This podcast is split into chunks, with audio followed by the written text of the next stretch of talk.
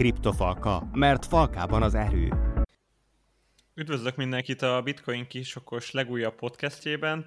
A szokásos módon Péter és Gábor van velem, illetve lesz ma egy vendégünk is, aki Ács Zoltán, az MKB Fintech Labnak a vezetője. Vele fogunk kicsit így csacsogni a kriptovaluták és a bankok kapcsolatáról, mit gondolnak ők erről a szegmensről, esetleg hol lehetnek olyan pontjai a blokkláncnak, ami számukra is hasznos lehet, de először arra kérnélek meg Zoltán, hogy egy kis bemutatkozást ö, tarts magadról, légy szíves a hallgatóknak. Uh-huh. Sziasztok, és köszöntök mindenkit! Hát én onnan kezdeném, hogy három témakör van, amiben az elmúlt tíz évemet töltöttem. Az egyik az a startup vállalkozások fejlesztése volt. Hát a startupokhoz úgy is volt közöm, hogy saját startupom is volt, még kb. 10 évvel ezelőtt. Még azt se tudtuk, hogy startupnak kéne nevezni, de, de azért volt, kockázati tőkebefektetést is kapott, annak rendjes módja szerint csődbe is ment, tanultunk belőle sokat, de egy nagyon jó kis történet volt, tehát abszolút, abszolút pluszos történet volt nekem, élményben, tapasztalatban, tanulásban mindenképpen. Aztán program alapítója is voltam, vezettem is programot ez a, ez a design terminálban, 8, 8 évig voltam a design terminálnak a szakmai vezetője, és hát sok száz startuppal foglalkoztam. Tehát a startupok fejlesztése, mentorálás az egy dolog, a másik téma terület az a corporate innovation, vagyis nagyvállalati innováció. Ez, ez egy érdekes dolog, ez onnan jött, hogy, hogy azt láttuk, hogy a B2B startupok működnek jól Budapestről, tehát business to business kifejezetten, mert a nagy egybefüggő piacok azért nem Magyarországon vannak jellemzően, ez Európa nagyon fragmentált, már a szlovákoknak is más vásárlói szokásai vannak, meg a románoknak is, mint a magyaroknak, nyelvről nem is beszélve, és, és akkor nézzük, hogy B2B-be, akkor, akkor ha mentorálunk, akkor mit kell csinálni? Vállalati kapcsolatokat építeni.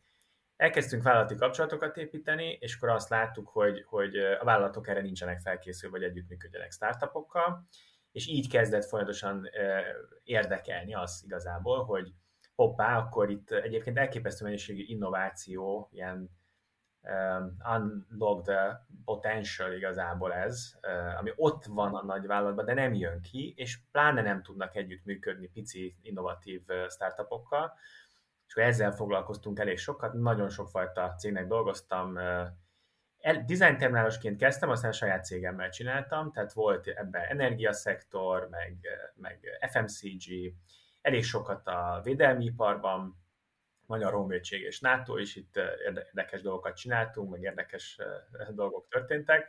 Ez egy nagyon izgalmas építkezés folyik most Magyarországon, tehát ebben is eh, volt némi részem, illetve így kerültem igazából aztán az MKB Fintech Labhez is, hiszen ez a, ez a vállalat innovációjával foglalkozó leányvállalat. És akkor a harmadik témakör, amivel sokat foglalkoztam, az pedig a, a kockázati tőkebefektetések.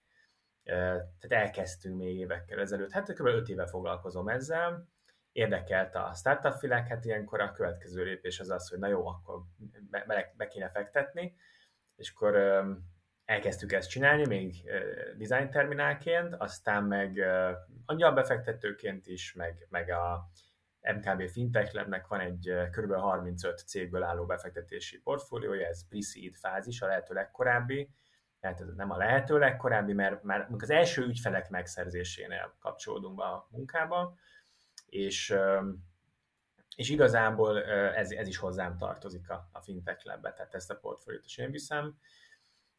Úgyhogy ez, ez a három téma terület, és akkor most az új sztori, az a, az pedig a, a bankholding alakulása. Itt ugye a Budapest Bank, Takarékbank és Semkb Bank egyesül. Ez egy gigafúzió, erről biztos sokat olvastatok, hallottatok, azért volt médiája rendesen. Ekkora fúzió nem volt a magyar gazdaság történetben rendszerváltás óta, az biztos, hát szerintem előtte se nagyon, amikor az államosítást neveljük fúziónak, de amikor a rendszerváltás óta nézzük, az, az egy fair verseny. És ez, ez önmagában egy nagyon izgalmas feladat, a másik meg az, hogy a, a bankok területén, vagy a bankolásban olyan típusú változások vannak, amik szerintem száz éve nem voltak ekkorák. Tehát egészen másképp fogunk bankolni 5-10 év múlva, mint most, és most képzeljétek el azt a helyzetet, hogy egy nehézkes, lassú, sok-sok frontos fúzió közepén kéne nekünk egy technológiai ugrást végrehajtani, és feltalálni újra a bankolást, meg olyan, olyan bankot építeni, ami aztán képes nagyon-nagyon gyorsan reagálni változásokra. ez egy giga kihívás. És akkor erre csináltuk a Foundation nevű mozgalmat, mi úgy hívjuk, hogy mozgalom, azokat tömöríti, akiket érdekel a jövő bankolása, és ezeket tömörítjük össze, és ez a közösség épít új banki terméket jelen pillanatban. Ez most egy kb. 100 fő. Igaz, igazából az merült így föl, hogy erről meséltél, mert nekem általában a bankokkal az az érzésem, hogy kicsit ilyen régi módi, meg kicsit így lemaradt, és hogy tehát nekem, mint így fiatal, nem sokszor van annyira nagyon jó tapasztalatom a bankokkal kapcsolatban, hanem inkább az ilyen, nem azt akarom mondani, hogy elavult, de hogy kicsit ezt társítom hozzá. Hát és az. te, te szavaidból is az jött ki, hogy ezt innoválni kell bőven, és hogy, hogy eddig kicsit talán lehet mondani, hogy egy monopól helyzetben voltak, és szépen kényelmesen megvoltak, nem volt Revolut, nem voltak kriptovaluták, és most viszont tényleg így, így rá vannak kényszerülve, nem? Hogy ezeket az újításokat meglépjék.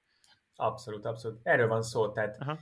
én, én azt látom, hogy, a, hogy gyakorlatilag a tech cégek, mintha ilyen um, reverse engineering-el elkezdték volna újra feltalálni az uh-huh. egészet. Nem azt mondom, hogy véletlenül, ez azért túlzás lenne, de hát és ha megnézitek az Alibabát, hogy hogy, hogy indult az Alipay története, hát gyakorlatilag ar- arról volt szó, hogy kell egy ilyen depozit kezelő a eladó-vevő között, hogy akkor, akkor kapja meg az árut, hogyha meg, és legyen ott, mint a PayPal, ugye? Igen, igen, ilyen igen. típusú rendszer. Ma egyébként vagy 20-szor, 25-ször nagyobb az Alibaba, mint a PayPal, ami brutál. De a PayPal egyébként értékesebb cég, mint a Alipay, nem az Alibaba, hanem az Alipay. Tehát, hogy, hogy sokkal elterjedtebb ez Kínában, és akkor hogy, hogy alakult ennek az egésznek a története? Belegondoltok, hogy csak ennyi, hogy depozit, mert egy tech szolgáltatás, oké, okay, akkor legyen applikáció, van applikáció, uh-huh. akkor QR kóddal működjön, működött. Aztán mit látnak? Azt látják, hogy a iszonyatos mennyiségű tranzakció megy át, és a tranzakciós adatok elemzésével ők meg tudják mondani, hogy mely, valaki mennyire hitelképes. Egy teljesen más megközelítéssel, mint most a, a, a scoring, a hitel scoring a bankokban gyakorlatilag jobban tudják, hogy vissza tudja fizetni az adott ügyfél hitelt, mint ő maga, mert annyira látja rengeteg adatból, hogy hogy, hogy viselkedik, meg, meg hogy van a payment. És uh, akkor innentől egyetlen lépés az, hogy fedezetlen hitelt uh, nyújtson a, a, az ügyfeleknek, és akkor már pénzügyi szolgáltatóvá vált, tessék, megtörtént. És akkor nyilván ez nagyon messze van egy univerzális bank termékkínálatától, meg a bonyolult dileket nem ezek a tech cégek akarják struktúrálni, de egy nagyon érdekes kihívás elé álltak a bankok, hiszen elkezdtek ezek a tehát itt van mondjuk itt a paymentet illetően, sok-sok millió ügyfél adata ott van, abból mit lehet csinálni, akkor abból termékeket tudok ráhúzni.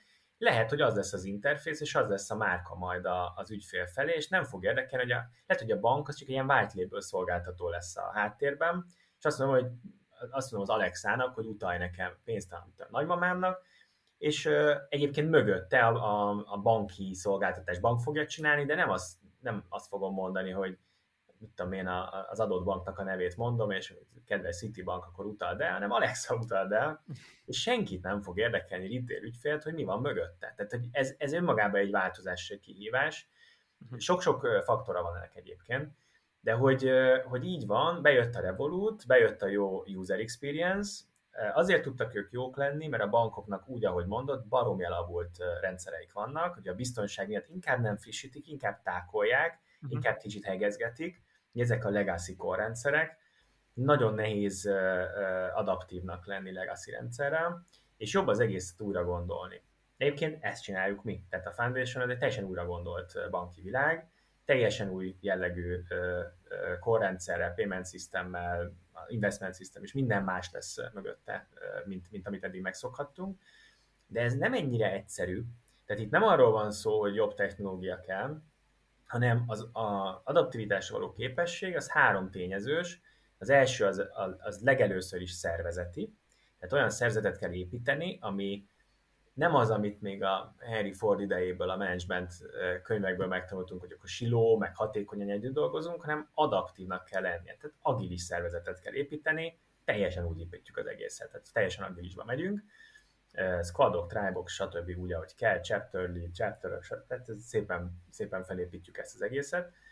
A másik az a, a technológiai környezet, vagyis a stack, Hát ez abszolút szupermodernt építünk, tehát ez pont nem az, amiről te is beszéltél, hogy Ugye azért nem lehetett fejlesztőt csábítani egy bankba, mert azt gondolja, hogy visszafejlődök. Tehát eljövök Aha. a bankhoz, és leépül a tudásom, akár mennyit fizetnek Isten ments, utána piacképtelen leszek. De itt nem ez van, tehát nem ezt építjük, hanem pont, hogy nagyon high-tech az egész. És a harmadik az üzleti modellek kérdése, lehet, hogy ezeket van kezdenem. Újra kell gondolni.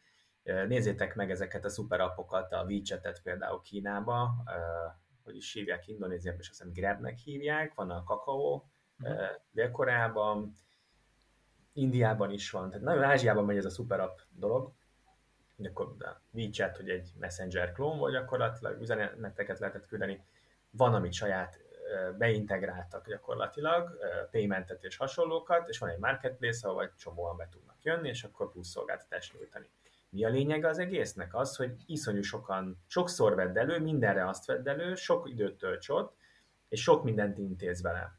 Uh-huh. És hogy a bank, egy bank képes egy ilyet csinálni, most az lesz a kérdés, hogy a bank tud-e szuper app lenni, és akkor esetleg abba integrálnak más típusú szolgáltatásokat, és ezt úgy hívjuk, hogy ilyen beyond banking szolgáltatásokat, akkor szépen mindenért, hogy az én pályámon focizik az ügyfél, mindenért a kis tranzakciós, vagy ilyen, ilyen feet le lehet szedni, sűrű fillér elve alapján, vagy pedig fordítva lesz, és nagy tech cégek csinálják meg a szuperappot, és akkor ott fog mozogni az ügyfél, ahol egyébként van banki rész is, meg fizetés, meg payment, és akkor white label szolgáltató a bank. Ez még nem dölt el, hát Ázsiában elég érdekesen alakulnak a viszonyok, de egyébként szerintem ez még nem dölt el.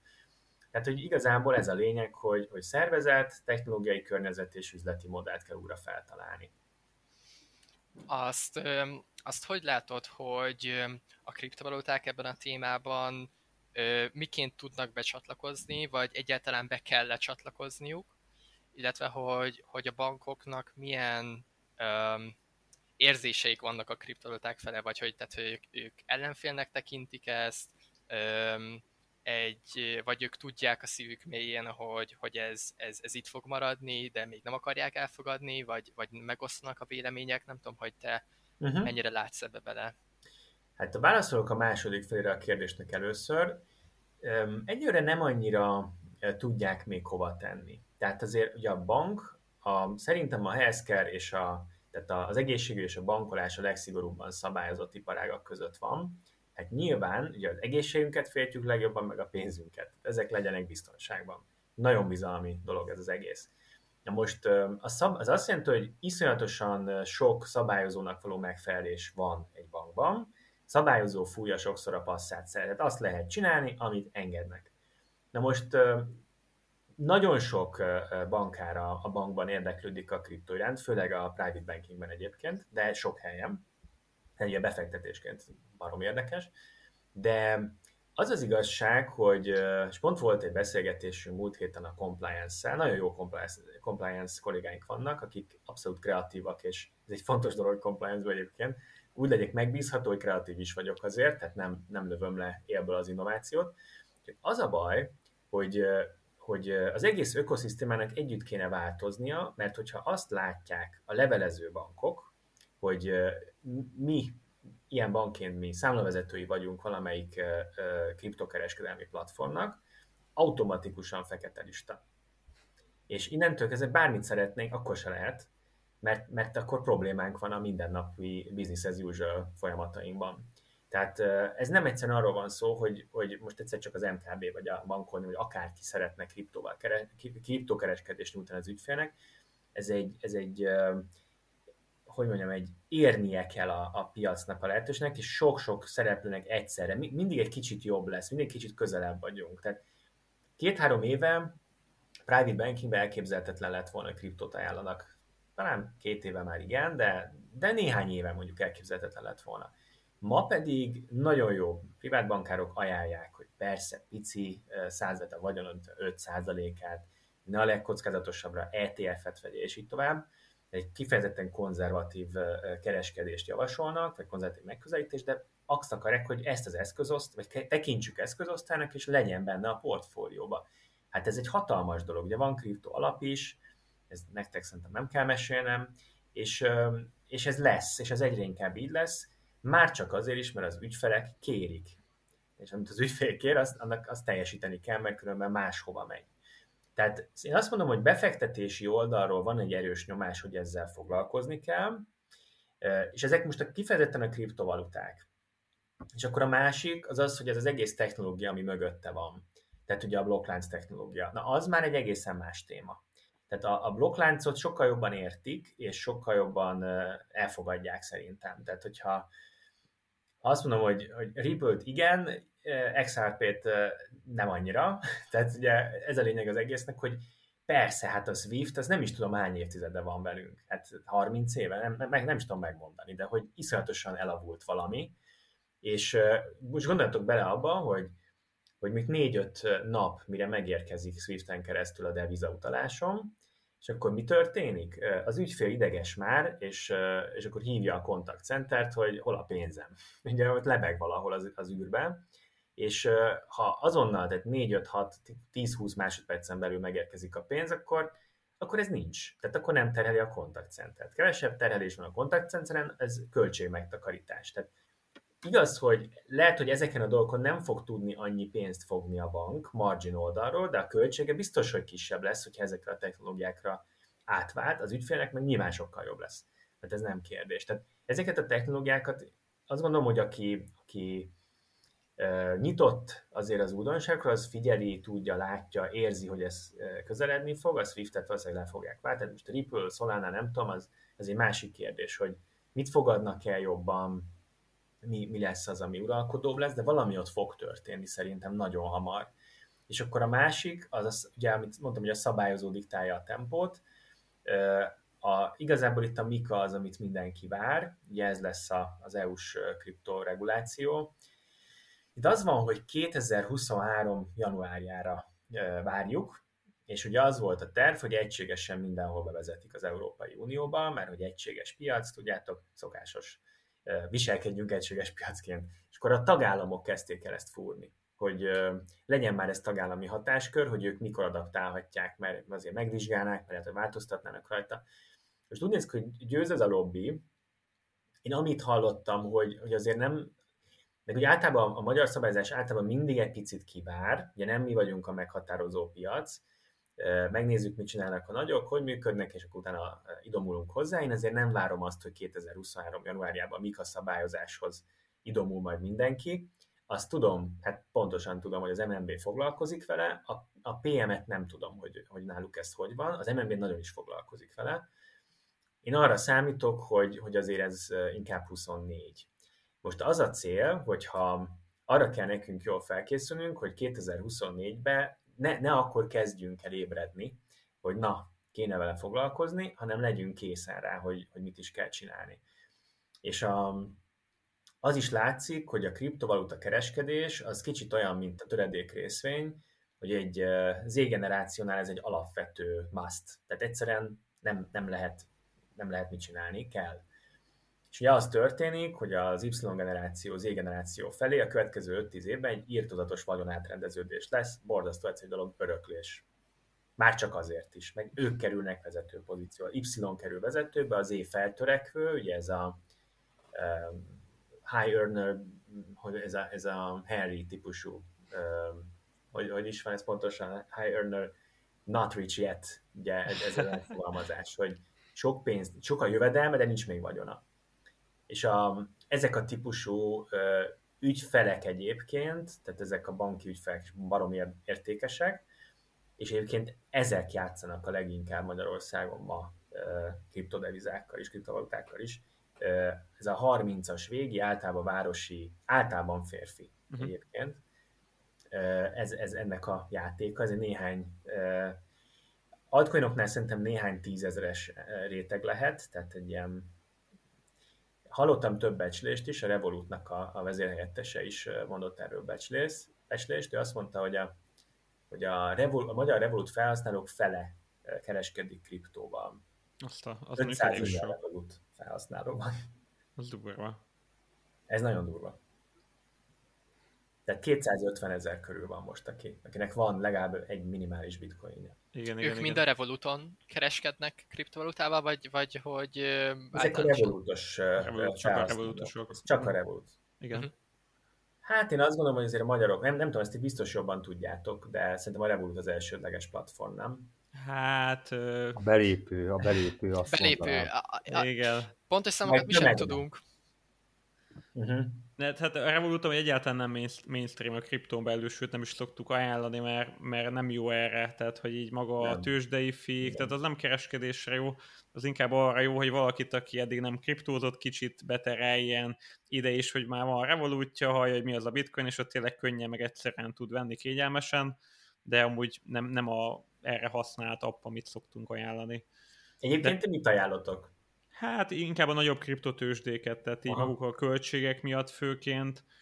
Ö, ugye maga a mhm. likviditás is sokkal jobb, tehát hogyha valaki uh-huh. kicsit komolyabban akar, és akar ad, adni, venni, adni, venni, több kriptót is tudsz elérni, több szolgáltatást tudsz használni, úgymond rendelkezel a saját coinoddal, és, uh-huh. és azt ki tudod utalni, tudsz vele kamatoztatni, ha akarsz, uh-huh. és ugye a Revoluton meg az elég sok mindentől elesel, de olyan szempontból szerintem sokat segít, hogy, hogy így tereli így a mainstream közösséget is kicsit ebbe az irányba.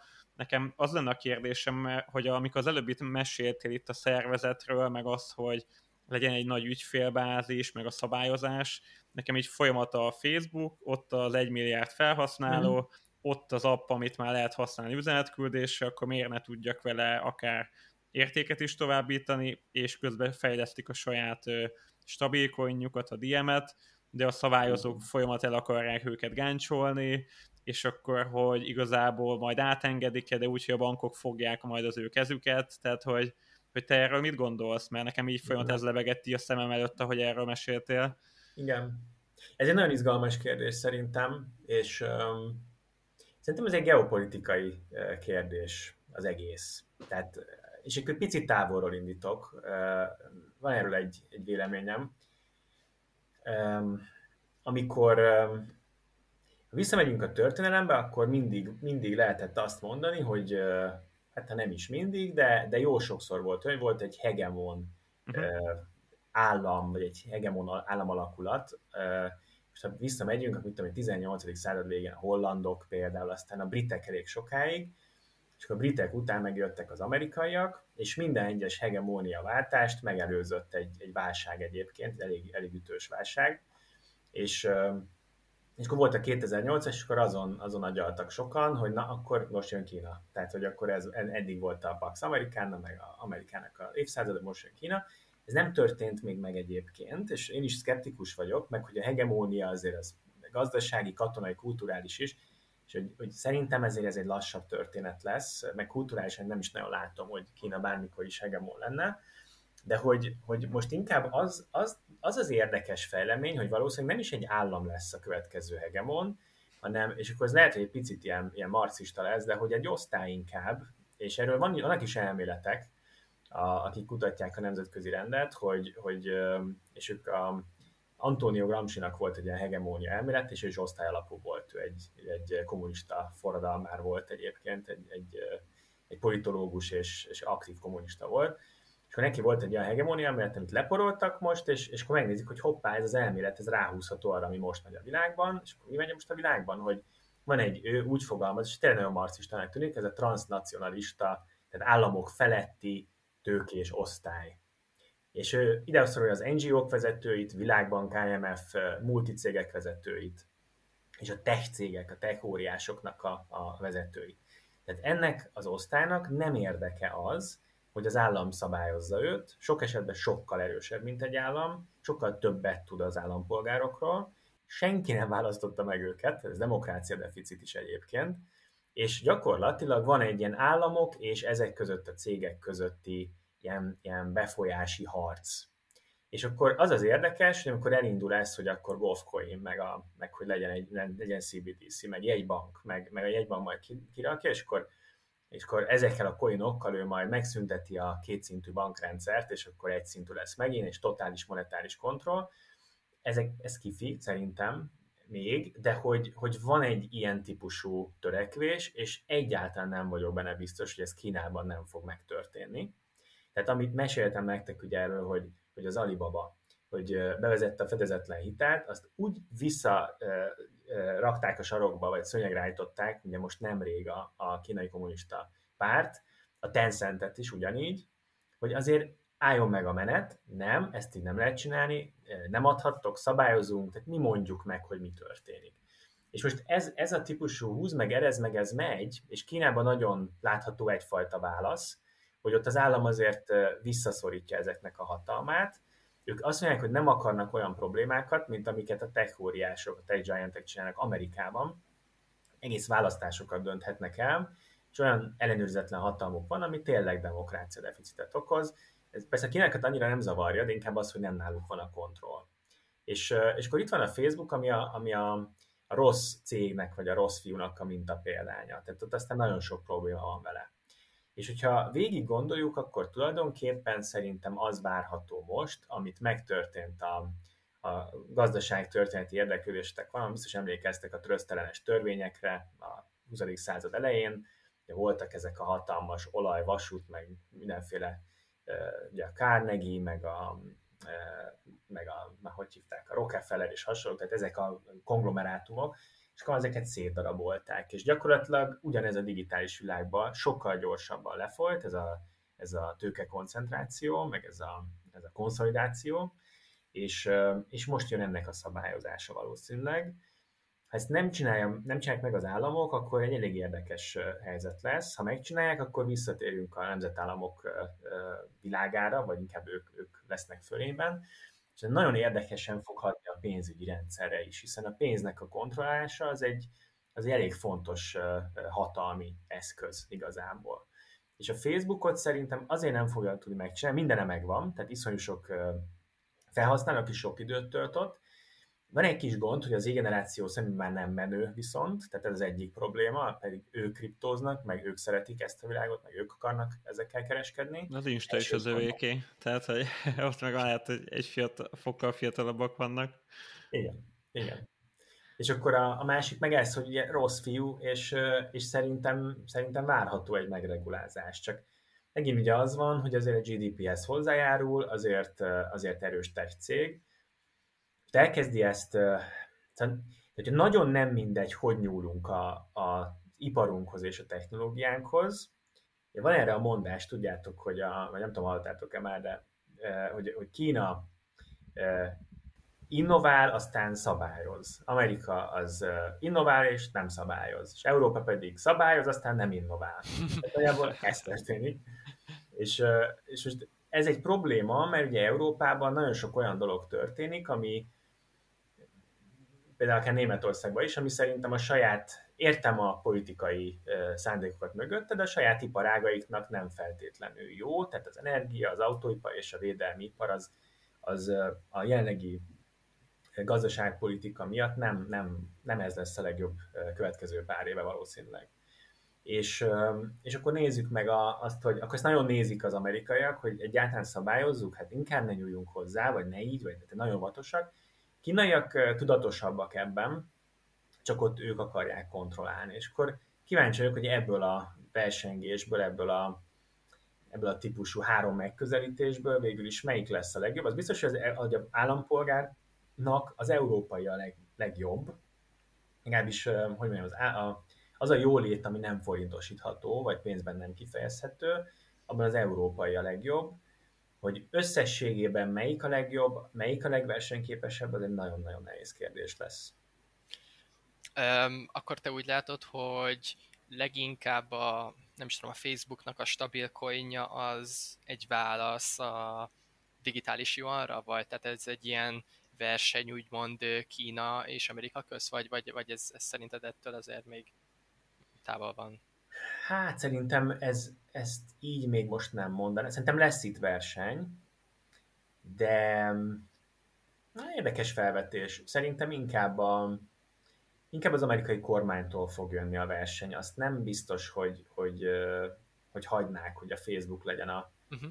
a piaci versenytársa a kínai de azzal meg, meg, azzal, azzal meg már iszonyatosan le vannak maradva, tehát hogy Nagyon. mondom, egy ilyennek a kifejlesztése, tehát az minimum évek, tehát hogy Kínában meg a digitális juant ugye már használják Igen. nap mint nap, tehát hogy tesztelik, pörög, van app hozzá, tehát hogyha úgymond most a Facebookot nem engedik, vagy ők akarnak most sajátot csinálni, akkor is minimum egy-két év lemaradásban lesznek.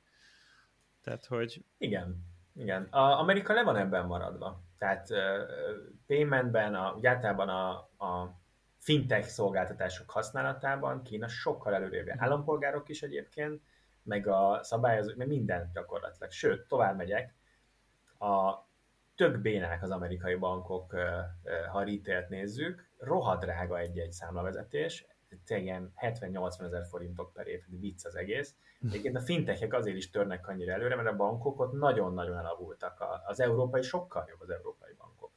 Uh-huh. Tehát, hogy ez egy nagyon érdekes. Ott is kicsit irány. így elkényelmesedtek így a monopól helyzetben, nem? Nagyon, nagyon. Ott is érdekes kérdés lesz ez. Akkor valószínűleg ez lesz a, az USA-ban, ahogy mondtad is az előbb, hogy a, az USA először szabályoz, és aztán innovál, hogy akkor szabályozza a DM-et, meg a Facebookot, vagy a Metát, és, és hogyha az elkezd így nem tudom, talán egy lapon lenni a, a digitális juannal, vagy úgy, úgy tényleg egyszerre emlegetik őket, hogy akkor indul be majd az amerikai CBDC feltételezném ez alapján, hogyha tényleg ez a, ez a ö, hozzáállás, meg viselkedés működik. Elképzelhető, hogy ez lesz. Én azt látom, hogy Amerika elkényelmesedik, hogyha, hogyha ő a, egyértelműen a világ ura, hogyha viszont versenyhelyzetben van, akkor nagyon oda tudja tenni magát. Ugye a hidegháborúban ez volt, mielőtt a második világháborúba belépett volna, ugye már akkor is a legnagyobb gazdaság volt, akkor olyan lassú, kényelmes óriás, úgy el voltak ott, közben Európában volt a remegő, Japánnak nagyhatalmi ambíciói, és itt és itt szóval szerintem, szerintem egyre élesebb lesz ez a verseny, szerintem én azt gondolom, hogy nem katonai lesz, viszont ezeken a frontokon a gazdasági hegemóniáért fog folyni.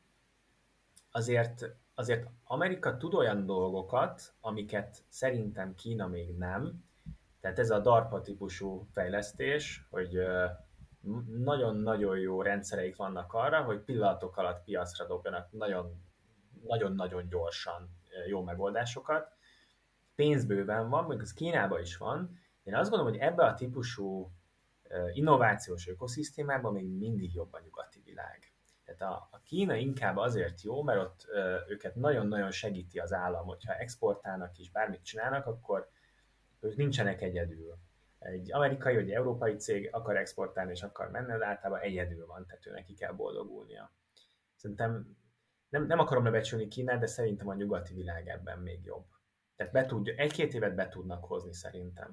És, és arról hogy mit gondolsz, hogyha tegyük fel, itt Amerika kicsit lemarad, kínaiak meg eléggé előre haladnak ebbe a digitális valutás sztoriba, és hogy ez esetleg így a dollárnak így a jelenlegi egyeduralmát esetleg tudja veszélyeztetni szerinted? Tehát, hogy azért elég sok ország van, akinek ez azért érdeke lenne, hogy ez a dollár egyeduralom, ez azért kicsit így, így háttérbe szoruljon, és lehet, hogy most erre így, így lenne esély, vagy hát, hogy, hogy az előtérbe kerülhetne. Hát szerintem bizalom kérdése. Tehát Aha. mindig, hogy mennyire bíznak az emberek is, meg a piacok is a, a a, tehát ugye azért lett a dollár, mert bíznak benne. Igen. Kínában szerintem tehát a jelenlegi berendezkedés az olyan, hogy én nem gondolom, hogy valaha annyira bízni fog benne a világ, uh-huh. mint, mint, a, mint az Egyesült Államokban. Egyszerűen a transzparencia hiánya, meg egyszerűen vannak olyan hírek, ami miatt nem biztos, hogy mindenkiben megvan ez a típusú bizalom. Vannak országok, akik nagyon bíznak benne, mint Irán biztos, hogy nagyon bízik benne, mert meg van egy pár, én azt gondolom, hogy egyébként, hogy, hogy még a nyugat-európai országban is különböző ez a, ennek a bizalomnak a mértéke, ez tuti, hogy így van. De ha az egész világot nézzük, akkor, akkor szerintem ezzel szembe kell nézni a Kína. Ezen nagyon nehéz változtatni. Uh-huh. Tehát azért csak ott, ott van a, tehát már szóba került ugye a, a Ripple, hogy a, hogy a P2P uh, paying, vagy a, tehát hogy kiiktatva a bankokat, hogy, hogy igazán azért nem akar működni, hogyha nincs valamiféle olyan közvetítő, most nem feltétlenül bank, ugye azért csináltak ezeket a gateway-eket, tehát hogy valaki, akiben azért mégiscsak megbízok. Uh-huh. És de nem mondom, hogy a bizalom szerintem a pénzügyben nagyon fontos. Szeretjük azt mondani, hogy a hülye bankok, nem biztos, hogy bank lesz az, akiben megbíznak az emberek, lehet, hogy a jegybank lesz, ugye, ugye az, a CBDC-kről beszélünk, lehet, hogy más tech cég, nem tudom, de, de valami harmadik fél, én szerintem én még nem látom azt, hogy az emberek mag, egymásban megbíznának. Uh-huh. Amúgy, hogy ez, ez tök érdekes, hogy ezt a bizalmat említed így a hagyományos pénzügyi világból is, mert ugye mi is a kriptón belül így kb. mindig a bizalom az első, ami így egy ilyen mm-hmm. hatalmas feltétel, hogy te most Igen. mersz egy no-name tárcába tartani egy no-name coint, vagy inkább tudod, hogy mondjuk van egy bitcoin, aki kicsit lassabb, kicsit kevésbé hatékony, de 13 éve dolgozik hiba nélkül, és lehet, hogy valaki inkább hisz abba. Tehát, hogy ez tök érdekes. Nagyon sokan. Igen, igen. A, nagyon sokaknak a, a bitcoin ilyen menekülő deviza kb. Tehát, mint, mint az arany. Tehát, hogy ugyanúgy használják. Ha nem akarnak bele kijönni, legyen ott szépen bent a pénzembe, a, a bitcoinban. Tehát, hogy, hogy szerintem a bizalom szerintem a bizalom mindenhol nagyon fontos, de hogy a pénzügyekben eszenciális, az biztos. Az, az, abban egészen biztos vagyok. Igen, amúgy a kriptónak szerintem kicsit olyan előnye van talán néha, nem mindig, de hogy, hogy ugye itt azt szoktuk mondani, hogy egy program kódba hiszel, és nem egy politikusba, nem egy emberbe, mm-hmm. akinek érzelmei vannak, kapzsi lesz, elfárad, nem tudom, összeveszik éppen valakivel, tehát hogy, hogy maga, ha a programkód transzparens, és azt el el tudod olvasni, meg tudod nézni, és hogyha azon tényleg senki nem tud módosítani, akkor az azért tud egy elég nagy fokú bizalmat adni. Igen, igen, csak ö, olyan a természete a bizalomnak, hogy, hogy lehet, hogy ez is egy generációs kérdés lesz. És mondok egy uh-huh. másik példát. Robo-advisorik befektetésnél. Minden predikció szerint ma már át kellett volna venni a, az uralmat, és nem történt meg. És az emberek nem bíznak még eléggé benne. Pici, azt hiszem 120-140 milliárd dollárt kezelnek robo-advisorik, tehát hogy ez nagyon-nagyon kevés azért több ezer milliárd dollárhoz képest. És, és az látszódik az összes kutatás szerint, hogy a Z generáció már bízik benne, neki már oké. Okay. De a, a többiek nem igazán. Egyébként ennek az is az oka, mert a Robo Advisor-nál nincs az a tuti tip. Tehát, hogy mint hogy a brokeren fejfúzoli, ezt most meg kell venni. Ilyet nem csinál a Robo Advisory. Annyit csinál, hogy alacsony költséggel, szépen hatékonyan, közepesen jól befektet, és gyorsan tudja, hogyha valami nagy földindulás van, akkor azonnal nem telefonálgat, nem mit tudom azonnal változtat, és ez 20 éves időtávban meg rohadt sok pénzt jelent a költség megtakarítás. Ezt tudja. Tuti tip az nincs, azt nem fogadni. Igen? Azt, hogy, hogy az e-generáció miért bízik meg ebben jobban, az, annak mi az oka? Tehát ez a, nem is tudom, ők jobban értik a technológiát, vagy másban növelkedtek fel? Vagy... Nem ez.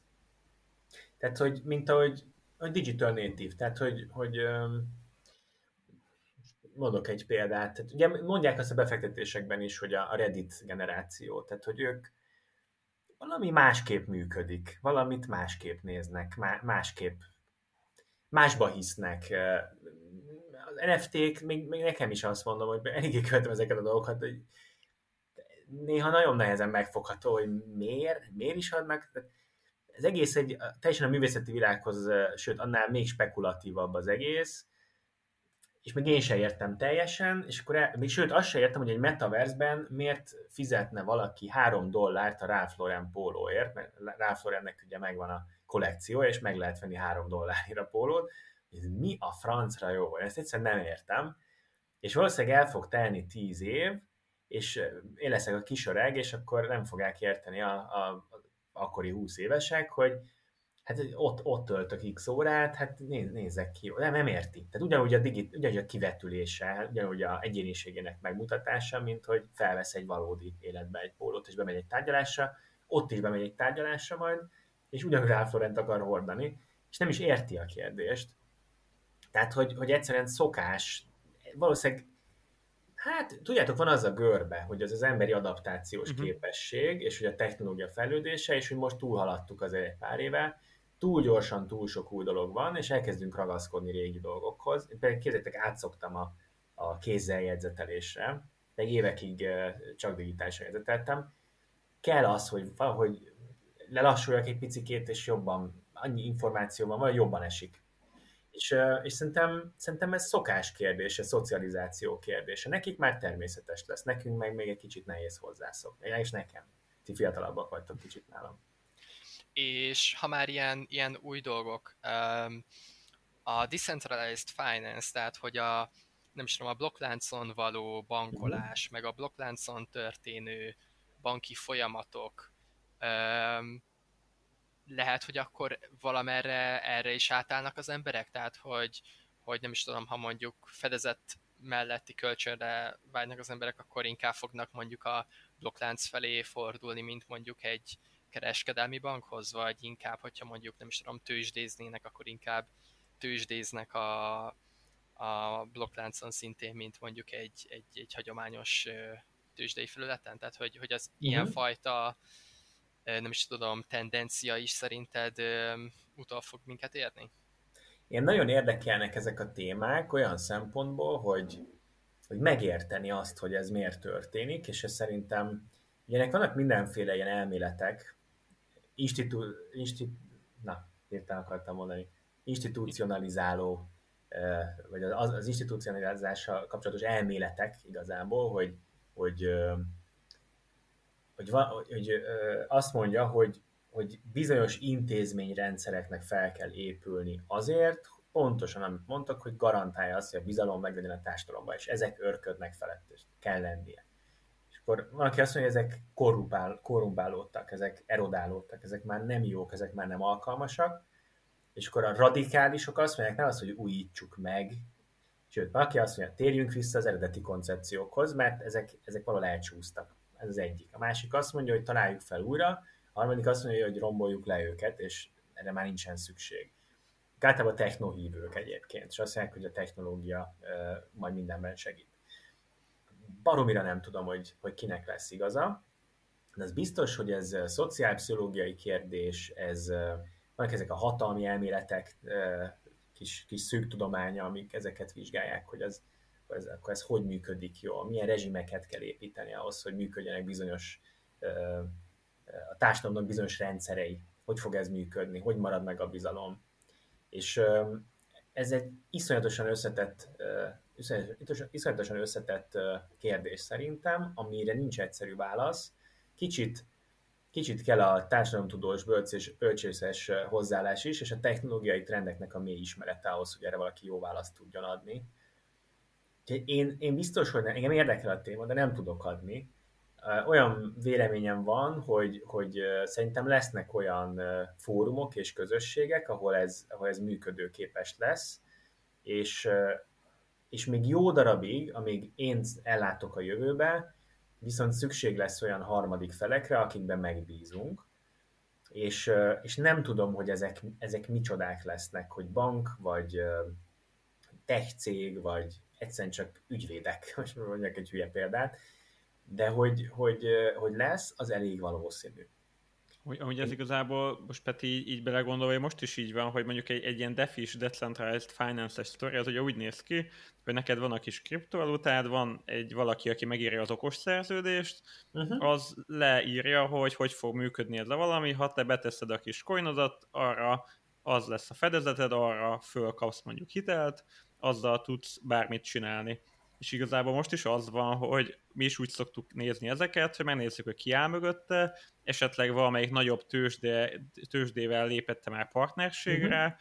auditálta-e valaki, akit én ismerek, és hogy igazából most is az van, hogy keresünk olyan kapcsolódási pontokat, amiben, akiben már meg tudunk bízni, és hogyha ő dolgozott vele együtt, akkor kicsit abban reménykedünk, hogy akkor valamennyire ilyen hiteles lehet ez az egész, és talán mm. nincsen benne valami, nem tudom, bág vagy valami, ami miatt te elveszted majd a pénzedet, mert nem jól van megírva a kód. Pontosan. Tehát mhm. végeredményben ti is a bizalmat keresitek, és ez Igen. nem biztos, hogy bank lesz. Az a kérdés, hogy a bank az megőrzi azt a szerepét, hogy megbíznak-e benne, és ő lehet ez a bizalmi tőke nyújtó, vagy ez a partner. Uh-huh. És ez egy kicsit ez önmagában, tehát akkor fogja megőrizni, hogyha érti az ügyféligényeket, gyorsan reagál rá, és jó megoldásokat kínál, akkor szerintem meg fogja őrizni. Ha nem, akkor egy akadály lesz, ezt ki akarják kerülni az emberek valahogy okosba, és akkor jönnek ezek az alternatív megoldások. Tehát szerintem a, a bank lehet, hogy sokkal kevesebb bank lesz, mert éppen a, jön a CBDC, még egy bankok szerepe lesz nagyobb, és a bankokra annyira már nem lesz szükség, mint eddig, Előfordulhat az, hogy a bank ilyen white label szolgáltató lesz, mert azért a, klasszi, a bonyolultabb hitelügyleteknek a struktúrálása, és itt azért az egy banki, azt, azt nem fogja az Amazon csinálni, nem is akarja. Én törekvéssel látok rá, hogy bármelyik tech cég szeretne ezzel foglalkozni. Ő, ügyféladatokat akar mindig igazából, vagy interfész lenni. Tehát, hogy lehet, hogy white label szolgáltató lesz a végén, és az is lehet, hogy marad a, a, a, a bizalomnak a letéteményese, és, és sok-sok, azért mert bíznak benne, pont, hogy kiterjeszti a, a tevékenységi körét, és, és a bank égisze alatt más dolgokat, amihez bizalom kell, végre lehet majd hajtani. Ez mind a háromra van esély szerintem. Bocsi, a white label az mit jelent pontosan, mert nem vagyok uh-huh. teljesen tisztában vele, meg lehet. A white label az az, hogy, hogy úgy nyújt valaki megoldást, hogy tehát, az, az én brandemmel jelenik meg, de nem az én szolgáltatásom. Mondjuk, ha beépítek egy, mit tudom én, beép, mondjuk ahogy a Wise beépít egy, szolg, beépíti a devizaváltó szolgáltatását, mondjuk egy, egy ázsiai banknál beépítették a, a, a működésbe, és akkor lehet co-branded, és akkor ott van egy Powered by Wise, de megnyitom az ázsiai banknak az applikációt, és ott van ez, az Powered by Wise, és lehet white label, amikor nincs ott semmi, uh-huh. csak a háttérben éppen az van. Mondjuk, azt hiszem a Paxos csinálta a Revolutnak a kripto kereskedő platformját, azt hiszem a Wellsfront a töredék részvény, a Drive ezt már nem is tudom, ezeket, ezek nincsenek kiírva, uh-huh. tehát mhm. ezek, ezek ott vannak a háttér, ezek nem ők csinálták, ezek partnerségek. És ez a white label solution igazából. Amúgy a, a Ripple-t hoztad föl így egyből az elején, és hogy ő így a kriptók között is azért valamennyire közelebb esik a banki szférához, mint mondjuk egy nem tudom, teljesen decentralizált mondjuk bitcoin, vagy ethereum, vagy bármi más, Igen. hogy arra látsz valami esélyt, hogy ezek a kettő kicsit ilyen hibridbe tudnak majd működni? Tehát, hogy, például a Ripple-t is sokszor emlegetik, hogy arra is tök jó lehetne, hogyha van mondjuk egy banknak fiókja mondjuk nem tudom Amerikába, meg mondjuk nem tudom Európába, és hogy mondjuk a kettő között átküldi magának Ripple-be, mert hogy az gyorsan meg olcsó megvan, és amúgy ott lokálban meg megy minden tovább ugyanúgy, mint eddig, tehát hogy kicsit így, így felhasználnak belőle valamit, de így meg is őriznek a múltból valamit, tehát hogy... Igen, én erre abszolút látok esélyt, és az a kérdés, hogy egy bank hogy áll ez az egészhez hozzá, Ugye ismétek azt a kifejezést, hogy banküzem. Ugye azért hívják banküzemnek, mert veszélyes üzem, mert mint egy gyár, hogy ott aztán vigyázni kell, be kell tartani dolgokat, mert különben fejek hullanak. És ott nem nagyon kísérleteznek. Tehát inkább azt látom az ilyen digital champion bankoknál, hogy elkezdenek csinálni, mit tudom én, SME, vagyis kisvállalati accountot mondjuk, és akkor mit tudom, Metal például ilyen.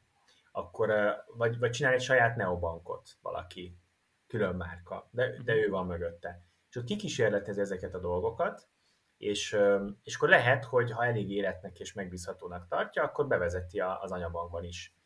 Az, hogy a, ugye egy nagy bank az, az a nullából elkezdje ezt csinálni, ahhoz elég, elég konzervatívak ezek, tehát ott, ott, már annyira ott kell lenni a csoportnyomásnak, hogy már, már minden oldalról már mindenki elismerte már a, az SEC-től kezdve, hogy minden hatóság, szabály, mindenki azt mondja, hogy ez rendben van, és akkor is egy nagyon-nagyon komoly technológiai átállás, mert, mert minden, ami migrációval jár, ott hibázásnak veszélye fennáll, ezért nem szívesen cserélnek korrendszert a bankok, azért tudunk arról, hogy jön az új korrendszer, napra lehal valami, tehát ezek, ezek nagyon komoly, megint a bizalom, tehát ugye a bizalom épül le vele, vagy az sérül, és ezért nem nagyon szeretnek hozzányúlni, de hogyha, tehát hogyha nagy képet, tehát nem tudom, hogy hogyan, az a válasz, hogy nem tudom, hogy hogyan lesz, de hogy szerintem, és az se, hogy a Ripple, de hogy ilyesmik, ilyen típusú technológia át fogja venni mondjuk a Swiftnek a helyét, abban egészen biztos vagyok. Ez biztos, hogy meg fog történni.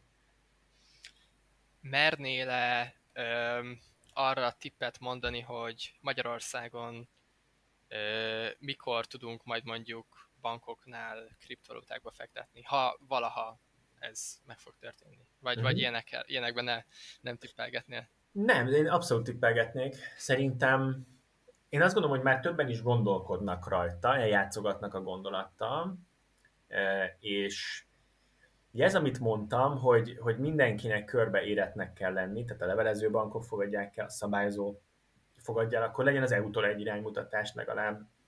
Ezeknek meg kell történnie, és szerintem Magyarországon ez 2024-2025 között várható, tehát kb. akkor érünk el oda, és szerintem ETF-ekkel lehet majd kereskedni. Csak, ugye ez csökkenti a, a kockázatokat mindenféle szempontból. Egyszerűbb is valljuk be, tehát itt ugye hülye biztosnak kell lenni, nem kell fizikai adathordozó, fizikai velet, az ETF providernek a feladata a, a hackelés is az ETF providernek a gondja, hogyha esetleg probléma van. Tehát, hogy ez egy sokkal biztonságosabb megoldás, egyébként én is ezt gondolom jónak, tehát mindenképpen ezt csinálnám, ez egy jó belépési pont, és akkor utána hát lehet menni, a, a, a, aki már prób ebbe, akár a premium banking, vagy a, a, a private bankingben már lehet próbálkozni mással, de akkor tök jó, hogy van mellett, mellett egy tanácsadó például, aki tud ebbe segíteni. Tehát ez megint más típusú szolgáltatás, de ami, ami ilyen nagy tömegekre használható, és, és, és ott probléma lehet, hogy kockázat lehet, azt minimalizálják a bankok, tehát ezért szerintem ETF, ez szinte biztos. Tehát kicsit egy ilyen lebutítottabb, egyszerűbb csomagba kell így az ügyfelek elé tárni, és, és tényleg ilyen kicsit ilyen bolondbiztos módszerrel.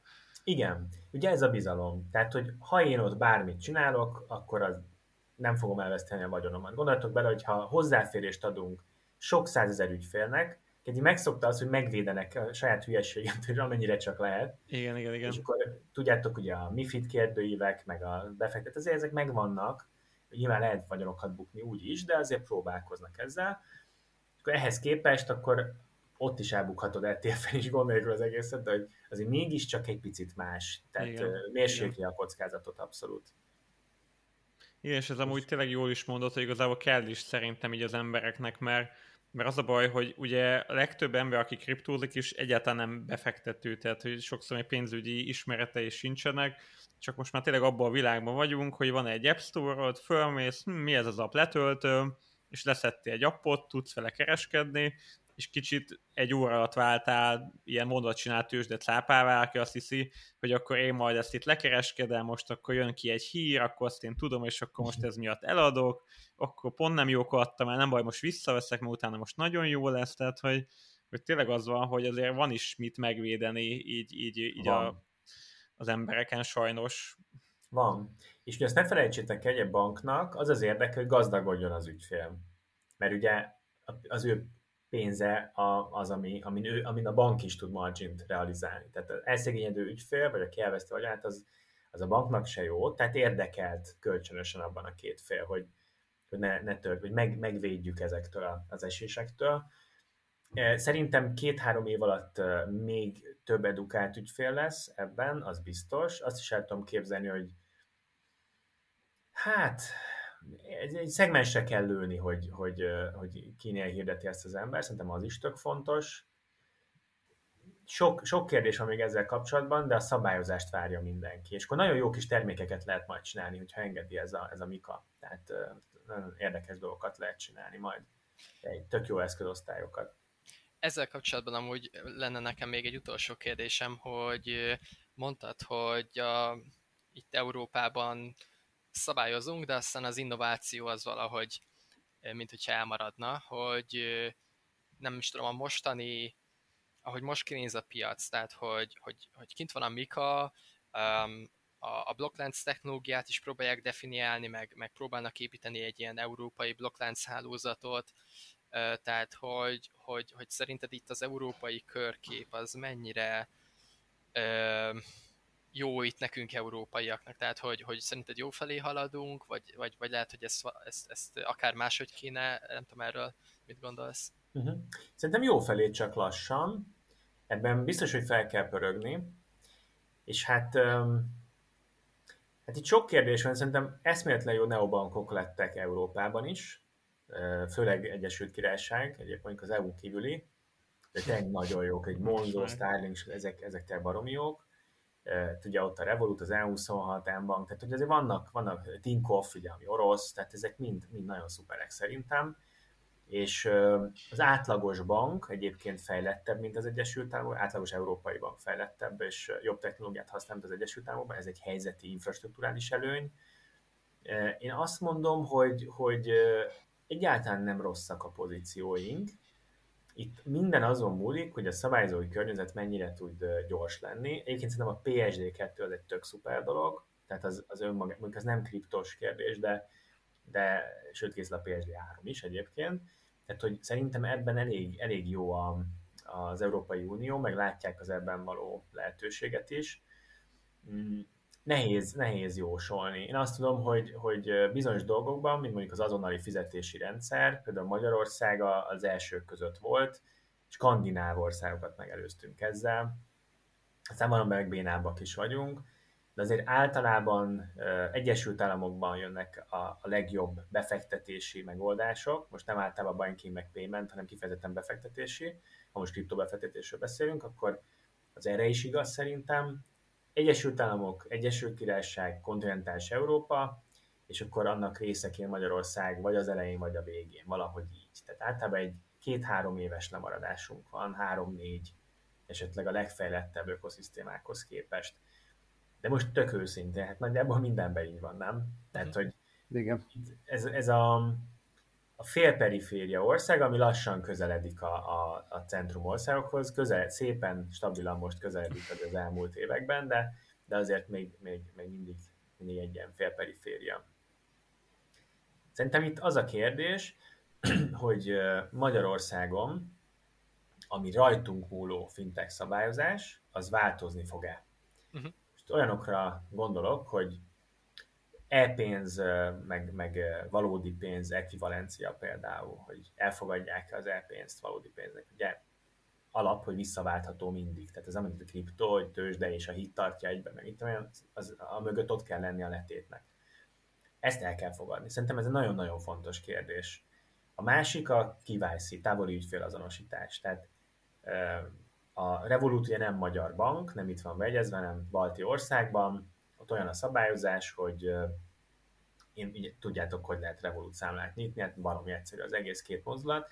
Ezt Magyarországon nem tudom megtenni, mert itt nem olyan a szabályozás. És, nem, tehát, és akkor az ügyfél mit lát? Hát nem tudja, hogy nem engedik a magyar banknak. Uh-huh. Tehát ez egy versenyhátrány, mert bejön a Revolut bank, ami nem itt van beegyezve, és meg lehet vele olyan vásárlói vagy ügyféli élmény dolgokat csinálni, amivel a magyar bank nem az, hogy technológiára nem tudja megcsinálni, hanem engedik neki.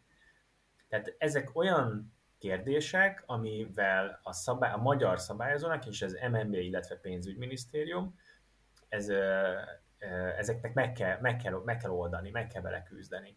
Az MNB ebben én úgy látom, hogy egyébként partner és képben is van. A PM-ről kevesebb, én kockázatkerülőbbnek látom, de, de az, ha azt akarjuk, hogy itt legyen komolyabb fintech, meg pénzügyi fordalom, és ez a kriptó is bele van értve, akkor ennek a, ennek a négy-öt-hat dolognak meg kell történnie. Igen, itt a Mikánál is benne, ami így fölmerült, mint kérdés, ugye, hogy, hogy a szabályozók általában szerintem azt akarják, hogy egy ilyen mindenre is gondoljanak, mindent is fedjenek le, és hogy tényleg az ilyen nagyon a biztonságos oldalon álljon a, az, a, az a valami, amit a szabályozók kiadnak a kezükből. És a kriptó az meg egy olyan dolog, ami naponta változik, tehát hogy konkrétan havonta vagy két havonta jönnek olyan akár aliparágak, ami, amire eddig nem is gondoltunk. Tehát, hogy mondjuk most NFT-kkel fognak kereskedni, és, és, és tényleg mondjuk defizünk, ezt csináljuk, azt csináljuk, tehát, hogy, hogy én azt nem látom még be, hogy hogy nem fog ez iszonyatosan lemaradni a szabályozás, attól, hogy egy olyan iparágat akar majd szabályozni, ami még csak most burjánzik, és összefele, össze, össze ágazik belőle így a ez veszély. Ez veszély. Szerintem az a kérdés, hogy, hogy a, az Unióban, vagy bárhol, tehát hogy a, a szabályozó az úgy tekinti ezeket a, az elemeket, hogy külön-külön próbálja őket megrendszabályozni, vagy azt mondja, hogy Web3 uh-huh. Mhm. megérti azt, hogy a Web3 unblock, miben más, mint a Web2, meg a Web1 természetesen, és azt az egész Web3-as környezetet próbálja meg megérteni és szabályozni, annak uh-huh. részei ezek ez, ezeket azért szerintem elég jól felrajzolták már sokan, hogy ez hogy működik. Én nem gondolom, hogy Brüsszelbe ezt ne értenék, és, de, de nem tudom, nem, nem értek annyira a szabályozáshoz, megmondom őszintén, de azt gondolom, hogy ez a nyitja. Tehát, hogy egybe lássák, a nagy, az egész mhm, pályát, uh-huh. a big picture lássák szerintem ezen múlik. Értem, tehát nem menjenek be minden mélységbe, hanem így, így makroszinten mondjanak valamit, szabályozzák, és akkor a, a meder, amiben van az az egész, az legyen jó. Igen, igen. A dinamikát értsék mögötte. Mm-hmm. Az irányelveket, hogy értjük, hogy mi történik, és azok az irányelvek, hogy ez meg ez meg ez így legyen, ahelyett, hogy nem látja, túl, túlságosan rázómol egy-egy kicsi jelenség, és azt próbálja meg aprólékosan szabályozni. Az hiba lenne. reméljük nem ebbe az irányba megyünk. Igen, amúgy tényleg még azt akartam kérdezni, ugye, hogy itt a kriptónál is azért nagyon sokszor fölmerül így a tiltás, a szabály, túlzott szabályozás kérdése. Mondjuk gondoljunk csak mondjuk a kínai betiltjuk a bitcoin bányászatot kérdésre, meg ugye elég sokszor így felszokott fül a kezdőkben is ez így merülni, hogy ez mennyire valós rizikó, mennyire kell ettől félni, hogy, hogy én általában azt szoktam látni, hogyha ezt egy ország mondjuk meglépni, akkor kicsit azért lábon lövi magát, tehát hogy, hogy lehet mondjuk tiltani, de azzal kicsit olyan, mint hogyha a 90-es években azt mondtad volna, hogy oké, okay, nálunk nincsen internet, mert nem tudom, ennyi villanykörtét pazarol el, és hogy nem tudom, tehát hogy egy uh-huh. kicsit így, így magát az innovációt is megölöd vele. Igen. Igen, itt egyébként sokan, sok, sokan elemzik azt, hogy Kína ezekkel a döntésekkel most vajon értelmeset húzott, vagy nem húzott értelmeset. Ugye sokan azt mondják, hogy nem hagyják, hogy a fejre nőjönök a tech óriások, mint Amerikába, és vannak, akik ugyanazt mondják, mint te, hogy ezzel viszont pontlából lövik magukat. Én az utóbbira hajlok egyébként, de azt kell látni, hogy olyan gyorsan fejlődik a technológia, sokkal gyorsabban, mint valaha, tehát exponenciálisan fejlődik, és azért rohadt nehéz ezt eldönteni. Tehát, hogy gyors is legyél, és a jó irányba tekerd azt a kormányt. Ez egy kegyetlenül nehéz játék szerintem. Még egyébként egy olyan gondolatom lett, amiről mindenképpen akartam veletek beszélni, hogy, mm. hogy szerintem tök érdekes az, hogy, a, hogy, ez, hogy, hogy a, az innovációt hogyan fogja vissza az, hogyha valami tőzsdei cég. Mhm. Ez egy, ez egy háttérben lévő dolog, szerintem nem biztos, hogy sokan gondolnak rá, de tényleg így van, mert negyedéves jelentést várnak a részvényesek, és ugye az a lényeg, hogy legyen profit, Mhm. Profitot úgy tudsz elérni, hogyha vagy magasabb az ár, de hogyha erős verseny van életpiacon, akkor azt le kell nyomni, tehát költséget kell csökkenteni, és az innováció az mindig befektetés jellegű, ami lassan térül, tehát hogyha a rövid távon, negyedéves távokban gondolkodsz, akkor innovációra kevesebbet fogsz költeni, hogy jobb legyen a marginod, és elégedett legyen a részvényes. És ezért a neobankok, meg, meg azok a cégek, amik a kriptovilágban és akik jól tudnak igazából előre törni, azok, azok egyébként befektetői pénzt használnak, ami teljesen más hozzáállás, kockázati tőkés befektet, és azt mondja, hogy megtérülést várok, és nem baj, 200 millió font veszteséget csináltál most.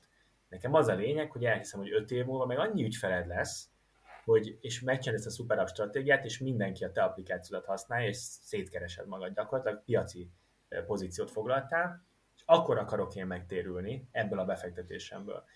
És ez utóbbi, én azt gondolom, hogy előremutatóbb, nagyon-nagyon kíváncsi leszek, hogy azok a kriptós szereplők, akik eh, IPO-n átestek, és, és eh, részvény, nyílt részvénytársaságá váltak, azok eh, mennyire tudják majd tartani innovációval a lépést azokkal, akik masszív kockázati tőkéből tudnak terjeszkedni. Tehát azért Stripe például nem véletlenül maradt privát cég, ugye jól mondom, a Stripe maradt privát, és a, és akkor kíváncsi vagyok, hogy például a Coinbase hogy fog muzsikálni, ami nekem egy nagyon nagy ígéret volt, vettem is részvényt, de nem, nem állok vele jól egyáltalán. Úgyhogy, úgyhogy ez még egy érdekes faktor lehet, meg úgy általában is, hogy a kockázatőke előretőr a finanszírozásoknál, és, és egyébként a hitel, meg, meg egy picit hátra az ilyen innovatívabb cégeknél. Ez még egy, megint, megint egy érdekes aspektus, de, de szerintem ez tök fontos figyelni ezt a, ezt a dolgot. Én ezt akarom egy picit historikusan is nézni, ebben a szektorban is, csak úgy, mint befektető, így, így, így érdeklődéssel nézem, hogy, hogy hogy hat az innovációra az, hogy hogyan vagy finanszírozva. Tök nem mindegy. Pedig, pedig most így tényleg elkezdődött ez, egyre több ilyen kriptós cég megy, megy tőzsdére, tehát hogy így, vagy egy IPO-t hajt végre. Meg úgy meg nagyon olcsón tud pénzt szerezni, tehát hogy mhm. valahol meg kell a pénz, tehát a végtelenség nem lehet csinálni. Ez érdekes volt, mert ugye az Elon Musk is azt mondta, hogy Elon Musk, hát jut eszembe, hogy emlékszem arra, amikor a BMW meg a Mercedes kioktatta az Elon Muskot, hogy tök jó a Tesla, pénzt kéne keresni azért, az a lényeg az autógyártásnak, az ügyeiparnak. Aztán egyszer csak csinált egy olyan fél évet, vagy negyed évet, hogy mit tudom, egy milliárd dollárt keresett, nem is nem volt olyan rég, 2020-ban talán volt akkor először nyerességes, és ugyanezt érzem egyébként a neobankoknál is, hogy a nagybankok mondják, hogy jó, pénzt kéne keresni, a Revolut csinál 200 millió veszteséget, és, és font, vagy dollár, vagy euró, vagy nem is tudom, tehát hogy nagyon-nagyon masszívan, el fog jönni az az idő két-három év, amikor nem ez lesz, és akkor lesz, lesz érdeklődés majd. Ugyanez a kriptóban egyébként, hogy pénzt kéne csinálni, hát, hát lesz, meg hát sokan csináltak már, ugye? Igen. Ilyenkor nekem mindig azt szokott fölmerülni bennem, hogy mondjuk egy kriptóval foglalkozó vállalat, mint mondjuk a Facebook, a Facebook, mint mondjuk a Coinbase, az le tudja nyomni azt a kriptovalutát, amivel ő foglalkozik. Tehát, hogy úgymond a Coinbase-nek az árfolyama az esetleg jobban fog-e menni, mint a bitcoin amivel ő foglalkozik, uh-huh. vagy igazából te jobban jársz, csak simán bitcoint veszel. Tehát, hogy ez is tök izgi. Igen, igen, ezt is nézem egyébként. Engem is nagyon érdekel. És az, ez vajon hogy korrelál? Igen, igen, igen. Oké, okay, így a végére egy kicsit így az MKB és Fintech labos irányatokról, hogy ti miben látjátok így a jövőt, hogy merre szeretnétek menni, uh-huh. mi az az innováció, ami szerintetek így nagyon jó lenne, hogyha el tudnátok hozni így az ügyfeleknek arra, még kicsit így tudnál mesélni? Illetve a, a Foundation-nél, hogy, hogy ott az új banknál például kriptókat vagy, vagy az, az még, az még először uh-huh. jöjjön létre a, a bank maga, aztán majd jöhet a, ez a kérdés is. Uh-huh. Hát foglalkozunk ezzel a témával, inkább így mondanám, és ennél többet most nem is árulhatok el, de, de abszolút foglalkozunk a témával. Szerintem aki jövőbe tekint, annak ez muszáj is, de ez egy hosszú távú történet, tehát ez nem holnap fog megtörténni. Ugye az említett dolgok miatt, hogy szabályozása, az üzleti környezet, meg úgy általában. Én szerintem szép lassan, egyszerre masszívan az, az ügyfelek érdeklődése, szabályozása, a, mondjam, érzékenyítve vannak a különböző stakeholderek, és akkor ez így be fog érni, de ezzel foglalkozunk.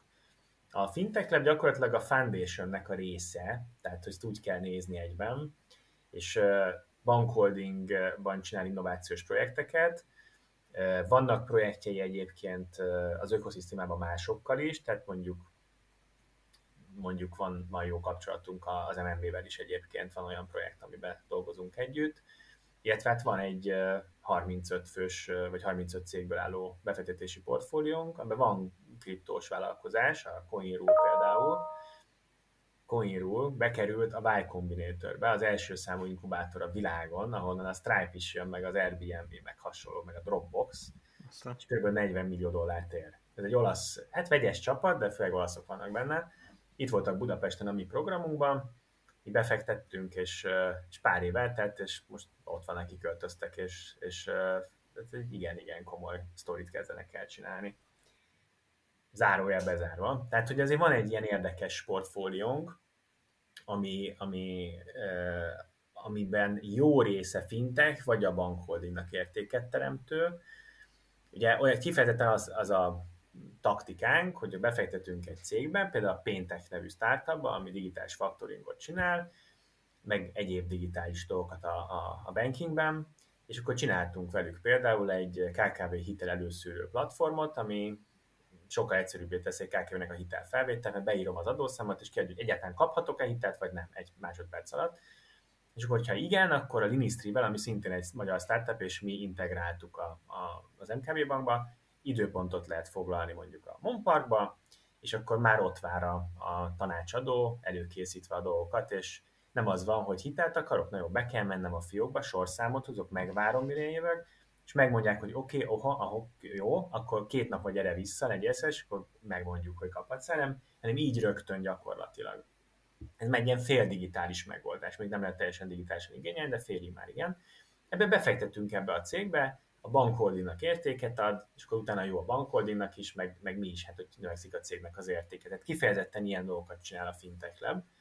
És a, a Foundation, és mondom, ez a része, és nekem egyik lábam itt van, a másik meg a Foundationben, tehát mind a kettő, az pedig kifejezetten az, az új, új bank építése, technológiailag egyelő, technológiai környezetet rakjuk össze, meg az alapokat, és akkor utána azt a feature setet, ami, ami igazából iszonyú vonzó tud lenni a piacon, és, és mindenkinél vonzóbb.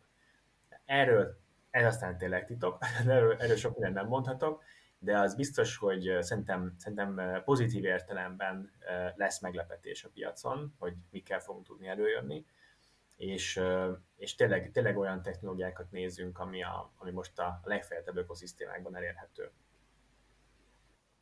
Na, Szuper. Akkor köszi szépen, hogy itt voltál. Ás Zoltánt hallhattátok így az MKB Fintech Labtól, és srácok, nektek is köszi, hogy itt voltatok, és jövő héten újra jelentkezünk majd adással. Nyugodtan küldjetek témaajánlókat, de hogyha nem küldtek, akkor is találunk hasonló jó témákat, mint ma volt. Köszi, hogy itt voltatok. Sziasztok! Köszönöm a szuper beszélgetést. Sziasztok!